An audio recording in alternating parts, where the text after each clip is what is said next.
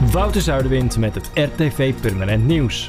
De gemeente en vastgoedeigenaar De Vries hebben overeenstemming bereikt over het verplaatsen van autoreparatiebedrijf Carex aan het Tramplein en tankstation Avia aan de Kooimanweg.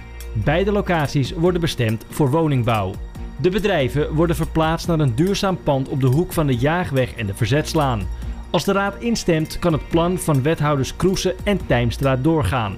Op het Tremplein komen 12 woonappartementen. Aan de Kooimanweg komt een appartementencomplex met 460 woningen. Een 14-jarig meisje uit Purmerend is afgelopen woensdag aangehouden voor mogelijke betrokkenheid bij een steekincident in Almere op 4 januari. Bij het incident in de muziekwijk is een man gewond geraakt. De politie meldt dat het slachtoffer letsel bleek te hebben dat vermoedelijk is toegebracht met een scherp voorwerp. Na onderzoek door de politie, dat nog steeds loopt, werd het meisje uit Purmerend aangehouden.